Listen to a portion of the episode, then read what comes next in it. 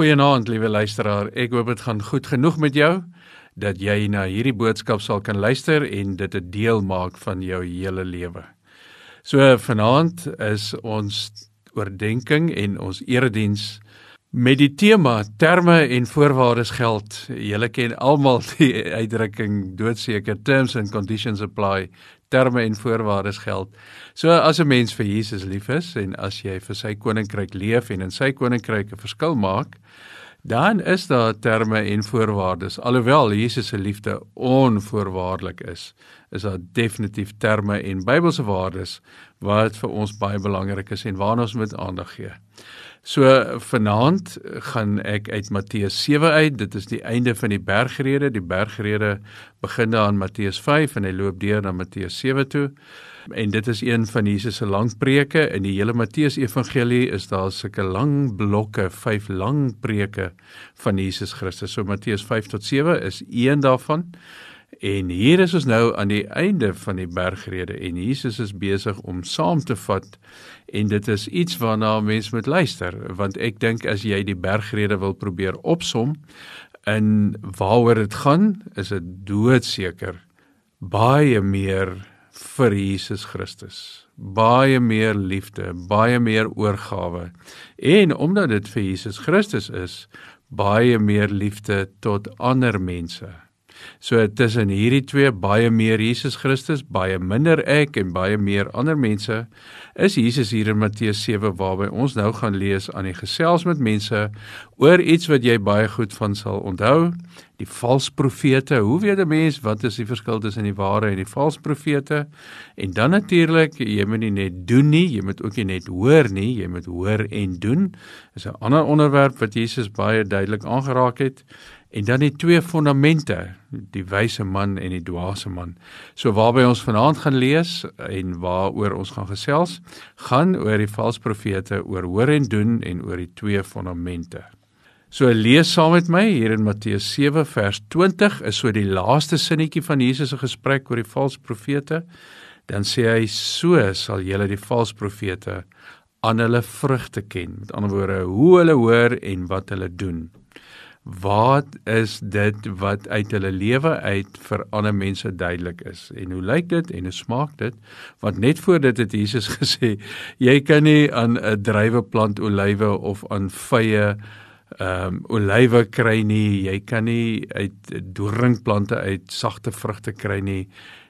Dit wat die boom is en wat uit die binnekant uitkom is die vrugte wat hy dra. En dan begin Jesus verder verduidelik en hy sê Ons bid net eers voordat ons verder saam lees. Heilige Here God, baie dankie dat ons in die naam van Jesus Christus aan U kan behoort. Baie dankie vir U Heilige Gees en Here baie baie dankie dat ons nou in die Bybel kan lees. Dankie dat ons U hart kan hoor en na U woorde kan luister. Praat met elkeen van ons Here en deur die woord en deur die Gees prent dit in ons hele lewe in. In Jesus se naam. Amen. So in vers 21 lees ons dan verder nadat Jesus nou gesê het die valse profete gaan jy aan hulle vrugte ken. Nie elkeen wat vir my sê Here Here sal in die koninkryk van die hemel ingaan nie, maar net hy wat die wil doen van my Vader wat in die hemel is. Baie sal daardie dag vir my sê Here Here, het ons dan nie in U naam gepreek nie? Deur U naam bose geeste uitgedryf en deur U naam baie wonders gedoen nie. Dan sal ek openlik vir hulle sê ek het julle nooit geken nie gaan weg van my af, julle wat die wet van God oortree. Elkeen dan wat hierdie woorde van my hoor en daarvolgens handel, kan vergelyk word met 'n verstandige man wat sy huis op rots gebou het. Die stortreën het geval, vloedwaters het gekom, winde het teen daardie huis gewaai en daaraan geruk. En tog het dit nie ineengestort nie, want die fondament was op rots. En elkeen wat hierdie woorde van my hoor en nie daarvolgens handel nie, kan vergelyk word met 'n dwaas wat sy huis op sand gebou het. Die stortreën het geval, vloedwaters het afgekom. Winde het teen daardie huis gewaai en daarin geruk en die huis het ingestort en is heeltemal verwoes. Toe Jesus klaar gepraat het, was die skare verbaas oor sy onderrig, want hy het hulle geleer soos 'n man met gesag en nie soos hulle skrifgeleerdes nie. Ons lees net tot sover. Max de Pre is 'n Amerikaanse besigheidsman en 'n uh, skrywer oor die onderwerp van leierskap. En hy sê nogal baie betekenisvol beliefs shape practices. If you want to know what you truly believe, you only need to examine your behaviors. So wat hy dan met ander woorde baie duidelik vir ons sê is dit wat aan die binnekant van jou hart aangaan is wie jy is aan die buitekant en is wie jy is as ander mense jou sien. En dit is wat Jesus lank voor hom alreeds gesê het. Jesus het so duidelik gesê en so baie voorbeelde gebruik dat jou hart moet skoon wees. Uit 'n onrein hart kom onrein dinge te voorskyn. Uit 'n rein hart kom rein dinge te voorskyn. So wat Jesus in die bergrede probeer doen het, is hy het vir mense gesê jou buitekant moet skoon wees, wat jy dink, wat jy sê, wat jy doen, wat jy geniet, wat jy nie geniet nie. Maar dit help nie jy probeer dit doen as die binnekant in jou hart en in jou verstand en jou denke nie aan Jesus behoort nie. Dan gaan dit sukkel dat die buitekant aan Jesus behoort. Ek dink ek het 'n redelike billike voorbeeld om dit vir jou mee te verduidelik. So Jesus se woorde is hoor en doen. Jakobus sou geskryf het Jesus se broer, Jesus se jonger broer Jakobus wat 'n leier in Jerusalem was, hy het die Jakobusbrief geskryf. Hy het gesê ons moet glo en doen. Nou die manier hoe ek dit vir jou wil probeer verduidelik is iemand wat op 'n kajak of iemand wat op 'n kanoe roei. As jy nou die een kant van sy spaan waarmee hy roei, hoor sou noem. En as daardie kanoe net van die een kant af net moet hoor roei in die water, raai wat gaan gebeur? As net hoor roei, dan gaan daai bootjie al in die ronde roei, al in die ronde, want net een spaan gaan roei as die ander kant van die spaan doen is. So as net doen in die water is en net aan die doen kant word geroei. Raai wat gaan dan gebeur? Ja natuurlik, dan gaan die bootjie ewenigs soos 'n passer al in die ronde en om sy eie sirkeltjie roei, al in die ronde, al in die ronde en daar gaan geen beweging wees nie en daar gaan geen rigting wees nie. So dit is hoor en doen. 'n Mens moet nie net hoor nie en dit geniet nie, daar moet iets van kom. Dit moet gedoen word. Dit is tog so duidelik dat 'n mens moet wat jy hoor nie net vir jouself hou nie, jy moet dit gee. Die evangelie is so vol daarvan. Niemand van ons wil tog die dooie see wees nie. Die dooie see is so dood omdat hy net water ontvang en niks uitgee nie en dit gaan niks verder nie. Dit bly net op een plek en dit bly net na die een kant toe. So die water in die Galilea meer en in die Jordaanrivier is vars want dit vloei in en dit vloei uit en dit word aangegee. Maar die dooie see se water het die soutkonsentrasie al so hoog geword dat niks daar binne leef nie. Alles gaan dood. Dit is morsdood dit is hoekom sy naam die dooie see is. So die dooie see kry water en hy hou al die water en dit maak dat daar geen lewe is nie. So ons moet hoor aan die een kant roei en ons moet ook doen na die ander kant toe roei. So as ons nou hoor en doen, dan is ons besig om in 'n rigting te roei. Maar weet jy luisteraar, dit is nog steeds nie genoeg nie, want nou kan jy hoor en doen en jy roei in 'n rigting, maar waarheen roei jy? Wat is die rigting? Is jy op pad na 'n eiland waar net jy gaan eindig, is jy op pad na roei jy dan nou Weskus toe, roei jy noorde toe, roei jy Bredasdorp toe, waarheen roei jy? daarmee Jesus dit so duidelik gemaak toe hy gepraat het en gesê my gehoorsaamheid aan my my woorde. So ons moet hoor en ons moet doen, maar ons moet in die rigting van Jesus se woorde roei. Ons moet gaan soos Jesus. As jy nou die teks wat ons vandag gelees het so op een bladsy voor jou kan lees, dan sal jy op drie plekke duidelik sien dat ons moet hoor en ons moet doen en wat moet ons hoor en wat moet ons doen? Want jy kan jou eie woorde doen, jy kan iemand anders se woorde doen, jy kan bose woorde hoor en doen. Dit gaan nie net oor hoor en doen nie, dit gaan oor die woorde van Jesus Christus. Want Jesus het in vers 21 gesê, nie elkeen wat vir my sê Here, Here, so almal wat al gehoor het van hom nie, maar net hulle wat die wil doen van my Vader. So jy moet hoor en dan moet jy doen, wat moet jy hoor en doen? Vers 21 my wil Jesus se wil. Dan in vers 23 elkeen dan wat hierdie woorde van my hoor en navolgens handel. Handel is sekerlik doen. Wat moet jy hoor en wat moet jy doen? Het Jesus gesê hierdie woorde van my met 'n hoofletter en dit is net hy. En dan in vers 26 net die negatiewe teenkant. Elkeen dan wat hierdie woorde van my hoor en nie daarvolgens handel nie, kan met 'n dwaas vergelyk word. So jy moet hoor en jy moet doen wat die woorde van Jesus Christus. As jy dit nie doen nie, is jy 'n dwaas, want dan bou jy ligkasteeltjies en jy bou dit in die see. Die eerste brandertjie wat daar oor hardloop, dan is daar niks meer oor nie. Maar as jy sy woorde hoor en sy woorde doen, dan is jy 'n rots. Dan is jy 'n verstandige mens dan is Jesus in jou binnekant en dan gaan Jesus saam met jou. So hierdie kanoe wat roei met 'n span wat hoor en doen, se rigting is kardinaal belangrik. Wat is die rigting? Die woorde van Jesus Christus. Jy sou al gehoor het baie mense praat van walk the talk. En as jy dit nou in praktiser terme wil sê, dan beteken walk the talk practice what you preach. En as jy dit gaan Google of probeer naslaan, dan gaan hulle vir jou sê dis a piece of management jargon that has become a cliché. Dit beteken eintlik words into action. Dit is wat met woorde moet gehoor gebeur. Hulle moet dade word.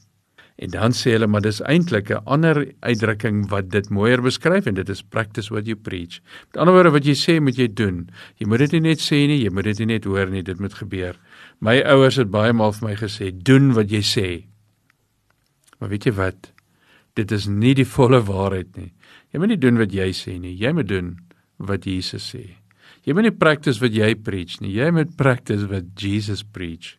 En jy moet nie walk the talk van jouself nie. Jy moet Jesus se talk walk. So dit gaan oor die rigting waarin die kanoe van jou lewe, die seilbootjie waarmee jy op reis is, waarmee die Heilige Gees vir jou waai. Dit moet in die rigting gaan van Jesus Christus. Henry Nouwen, die groot kerkleier het gesê, het 'n boek geskryf met die naam van In the Name of Jesus, Reflections on Christian Leadership. En Henry Nouwen het gesê daar's 3 groot versoekings waarin die meeste leiers en gelowiges onwetend trap en val en dan bly hulle net daar. So hy het in Engels geskryf op grond van Matteus 4 waar die Satan vir Jesus kom versoek nadat hy 40 dae gevas het en hy noem die eerste een the temptation to be relevant. Waar die Satan het daar by Jesus gekom en vir hom gesê: "Here, maak hierdie bro klippe brode." Want hy het geweet Jesus was 40 dae sonder kos, so Jesus moet honger wees, maar dit gaan ook die mense beïndruk en dit gaan net mooi wees wat benodig word rondom hom. En Jesus het vir hom elke keer uit Deuteronomium uit geantwoord en vir hom gesê dit is nie hoe dit moet wees nie. Jy mag die Here jou God nie versoek nie. Toe probeer hy 'n beter strategie. Henry Nouwen noem die tweede een the temptation to be spectacular. Want hy kom toe by Jesus en hy sê vir Jesus Christus jy is mos nou blootgestel aan Psalm 91 jou engele sal jou beskerm, hulle sal sorg dat jy nie seer kry nie. En hy sê vir Jesus, klim op die hoogste punt van die tempel en spring daar af.